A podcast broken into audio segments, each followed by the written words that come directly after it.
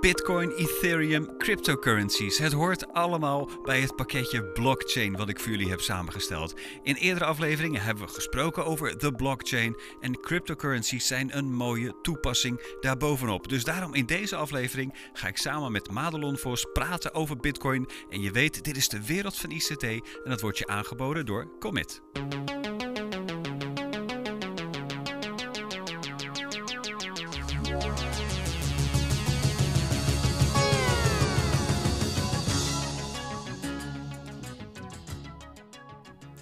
In 2015 sprak ik Brock Pierce, een legendarische slash bedenkelijke figuur uit eh, de cryptowereld. En die zei tegen mij, we hebben het dus over 2015, hij zei, dit gaat echt de wereld veranderen. Eh, probeer het gewoon eens. Koop eens een bitcoin en uh, koop daarna van die bitcoins een paar ethers van Ethereum. Nou, ik ben braaf, ik heb dat gedaan om te kijken hoe dat nou werkt, digitaal geld. Ik was er nieuwsgierig naar. Uh, vervolgens heb ik het altijd laten staan. Uh, ik ben dus een hodler, heet dat. Ik ben niet een daghandelaar. Ik heb niet mijn bitcoin staan omgezet naar andere dingen of zo. Nee, ik heb het laten staan. Dus per ongeluk was dat een goede keuze. Want de koers van bitcoin is natuurlijk sinds 2015 enorm gestegen.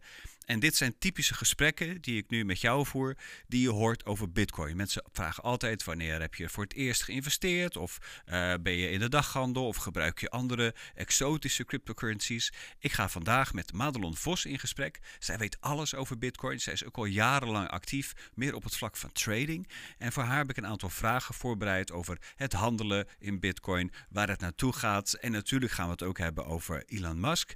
En ja, mijn eerste vraag is natuurlijk ook aan haar. Sinds wanneer hoorde jij voor het eerst over Bitcoin? Ja, dat was in eind 2012, begin 2013. En um, dat was met name, ik was toen nog vrij jong, ik was een jaar of 17. En mijn uh, ouders hadden mij vanuit huis uit geleerd dat op het moment dat je geld verdiende, dat je daar wat mee kon doen. Dat je dat dus niet alleen naar de bank hoefde te brengen. Mijn vader zei altijd, als je het naar de bank brengt, dan leen je in feite je geld uit aan de bank. En in ruil daarvoor krijg je rente. Maar er zijn ook tal van andere manieren waar je je geld naartoe kan brengen. In de hoop dat het meer oplevert. Ga daar maar eens naar kijken. Nou, en ik vond het maar, ja, ik vond het eigenlijk maar wat voor grijze oude mannen. Uh, een beetje beleggen, obligaties, aandelen. Ik vond het maar saai. En uh, ik was destijds best wel uh, geïnteresseerd in Wikileaks en Dark Web en alles wat daar gaande was. En zo kwam ik via via op een forum genaamd Bitcoin Talk of Reddit of iets in die trant. En daar ontdekte ik Bitcoin. En toen dacht ik, hé, hey, dit is gaaf. Dit is een, uh, een nieuwe vorm van geld. En uh, nou ja, als je een beetje in het, het virtuele aspect zit, een beetje games, een beetje begrijpt dat bijvoorbeeld uh, als je FIFA speelt, dat als je een FIFA pack wil kopen, dat dat geld kost. En als je Habbo Hotel gespeeld hebt, dan weet je ook dat dingen die virtueel zijn best een bepaalde waarde kunnen hebben. Voor mij was het vrij makkelijk, snel te begrijpen dat Bitcoin best wel interessant kon zijn als betaalmiddel. En we hadden natuurlijk tal van verschillende betaalmiddelen al gezien. E-cash, digicash, wat allemaal misging. En daarbij ging het fout op het dubbel spend probleem. Dus je kon dat geld heel vaak uitgeven. Neem even als voorbeeld, ik heb een Word document. Dat Word document dat kan ik kopiëren en die kan ik aan vier verschillende personen geven. En dan weten we niet meer wat het origineel is. Nou, als je dat bij geld doet, dan is dat toch hmm. wel een beetje vervelend. Maar bij Bitcoin kon dat niet. En dat was eigenlijk voor mij het moment dat ik dacht, weet je wat, ik koop er gewoon wat en dan zien we wel waar het naartoe gaat. En toen begon die hele reis. Uh, dat de koers begon te bewegen, dat ik het spannend vond, houvast probeerde te zoeken. En pas daarna ben ik echt down the rabbit hole gegaan. En begreep ik eigenlijk de reden waarom Bitcoin ontstond. Waarom Bitcoin was bedacht en in het leven geroepen werd. En wat was die, wat was die oerbehoefte die Bitcoin blijkbaar bevredigt?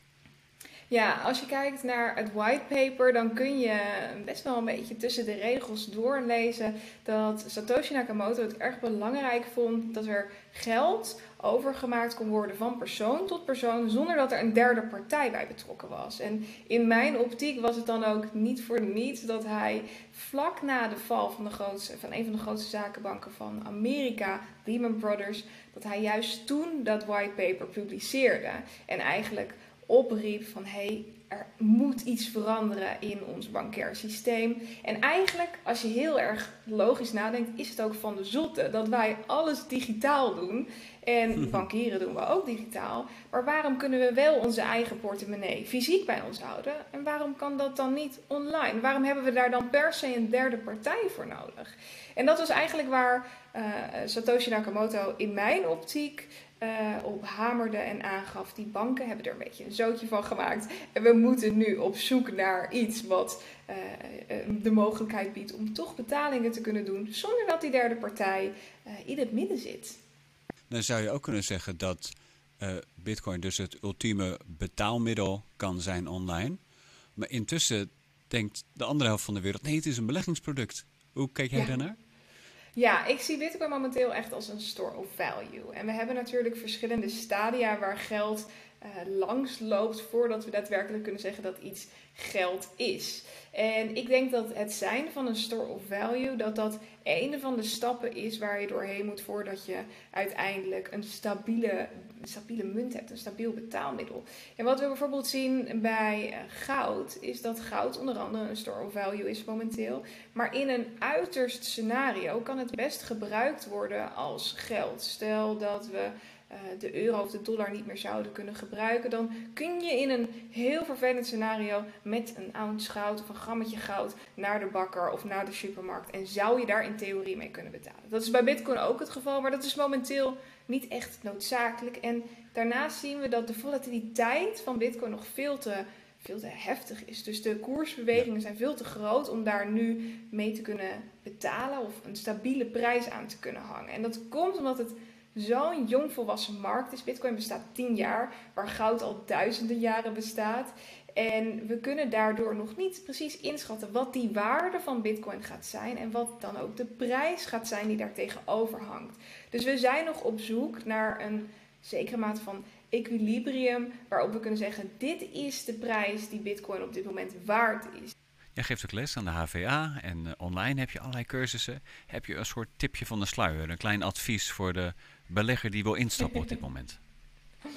Ja, het is, uh, het is in principe geen advies hè, wat ik geef. Uh, oh ik, ben, nee. uh, ik ben geen financieel adviseur, maar ik informeer wel heel graag. Op het moment dat iemand bitcoin zou willen aanschaffen, kun je in principe op drie verschillende manieren dat doen. Je kan ervoor kiezen om dat bij een broker te doen. Dan koop je dus bitcoin van een tussenpartij en daarbij betaal je een iets hogere fee. Maar kun je gewoon inloggen met een gebruikersnaam en wachtwoord. En als je dat kwijtraakt, kun je gewoon weer een nieuwe gebruikersnaam en wachtwoord aanvragen. Dan staan je bitcoins dus ook daar. Die worden vaak offline ergens bewaard.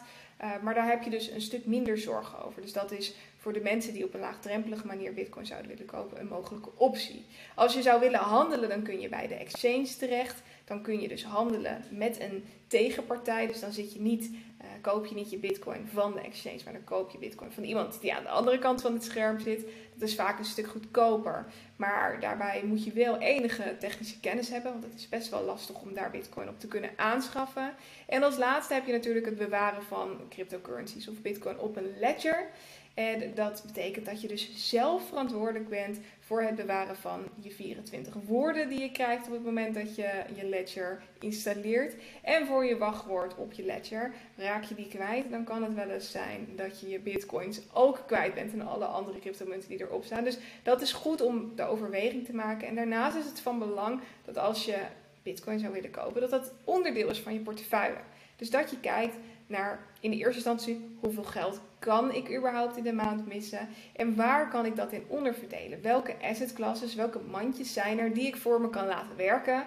En dan hebben we het dus niet meer over geld naar de bank brengen, want rente is tegenwoordig nagenoeg nul. En als je eventjes meerekent dat je ook al geld hebt betaald om je bankpas bijvoorbeeld aan te houden, dan ga je er eigenlijk al op achteruit. En dan hebben we nog niet eens gesproken over geldontwaarding, het verlies van je koopkracht.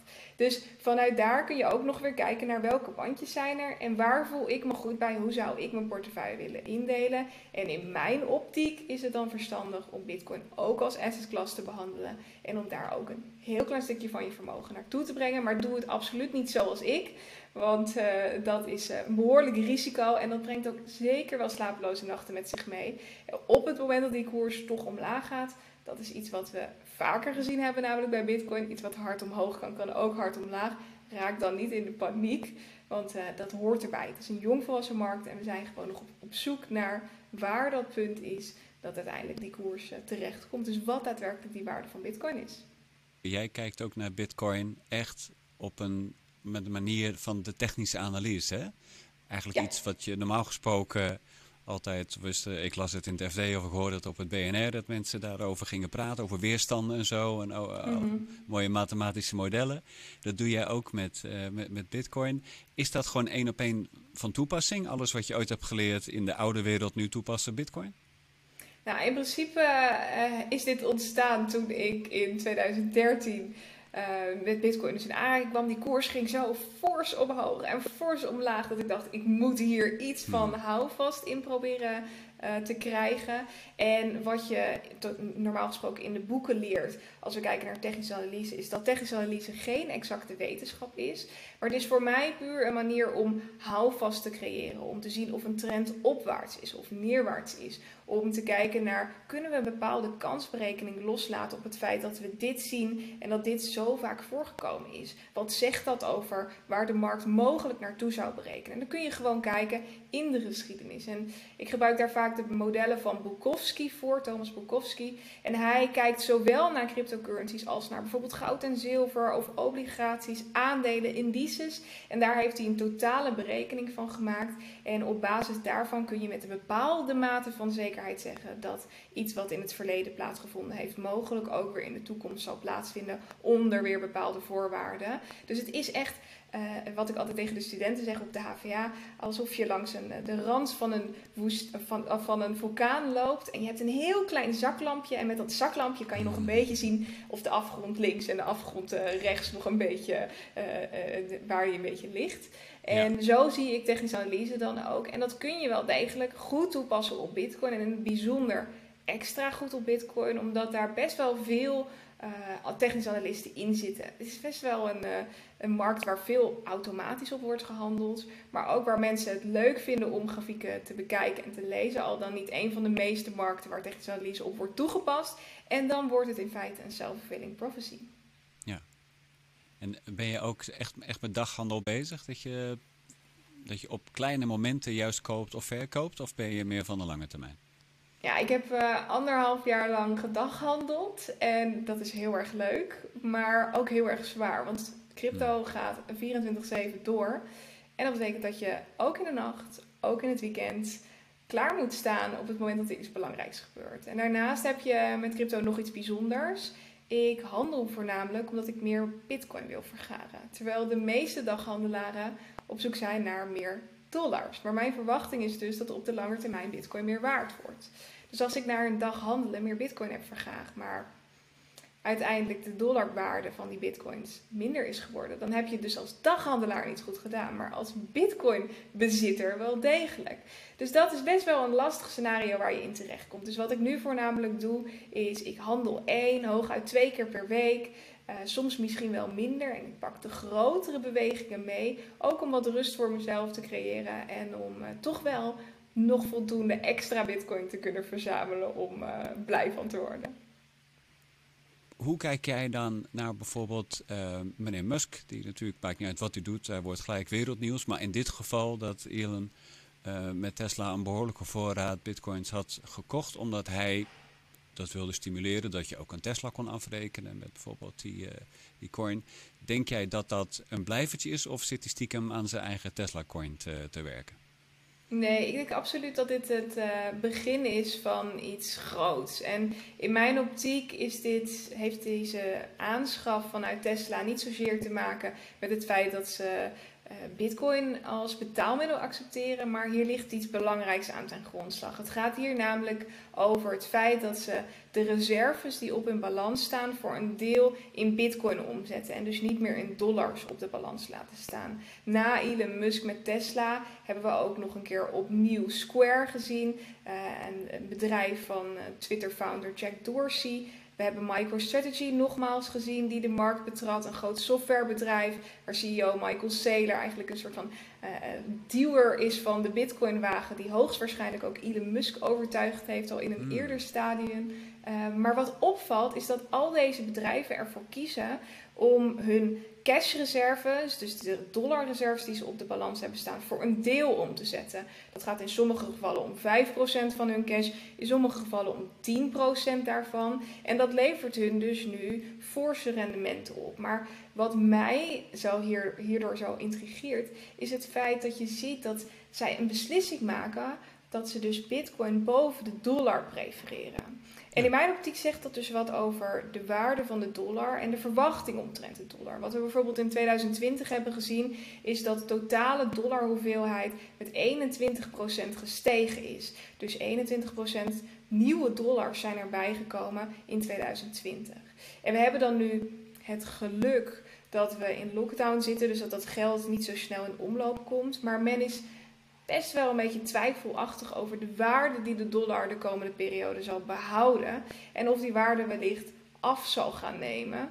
Uh, en dat is in mijn optiek waar Elon Musk en ook zijn grote vriend Michael Saylor en Jack Dorsey van Twitter nu op aan het inspelen zijn. Oh, dus eerder eigenlijk defensief. Nog ineens uit enthousiasme over de crypto's, maar eerder misschien uit angst of weinig vertrouwen met betrekking tot uh, traditionele valuta. Precies. Wat, wat ik altijd als voorbeeld noem is dat Bitcoin geen get rich quick scheme is, maar dat het een don't get poor slowly scheme is. Dus uh, de bedoeling is om niet langzaam arm te worden. En we zien nu dat heel veel partijen die markt uh, betreden. En ja. dat maakt het zo bijzonder, want Elon Musk is absoluut niet de laatste partij die dit zal gaan doen. We zien ook kleinere bedrijven, waaronder afgelopen week in Duitsland. Uh, een klein bedrijf die bijvoorbeeld voor 5 miljoen van hun balans inruilde naar bitcoin omzetten. Uh, dus het is echt wel een trend die we, die we zien toenemen. En het begint met de grote bedrijven. We hebben bijvoorbeeld ook al de run van family offices gezien. Maar hierna gaan we langzaam aan richting die grote institutionele partijen die ja. mogelijk bitcoin echt als een investment gaan zien. En niet zozeer als hedge tegen hun dollarportefeuille.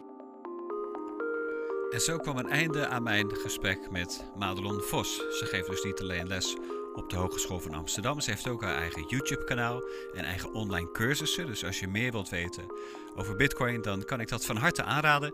Eh, net heb je ook wat gratis advies gehad. Of advies, dat mag ik eigenlijk niet zeggen. Ze informeert. Ze is natuurlijk geen financieel adviseur.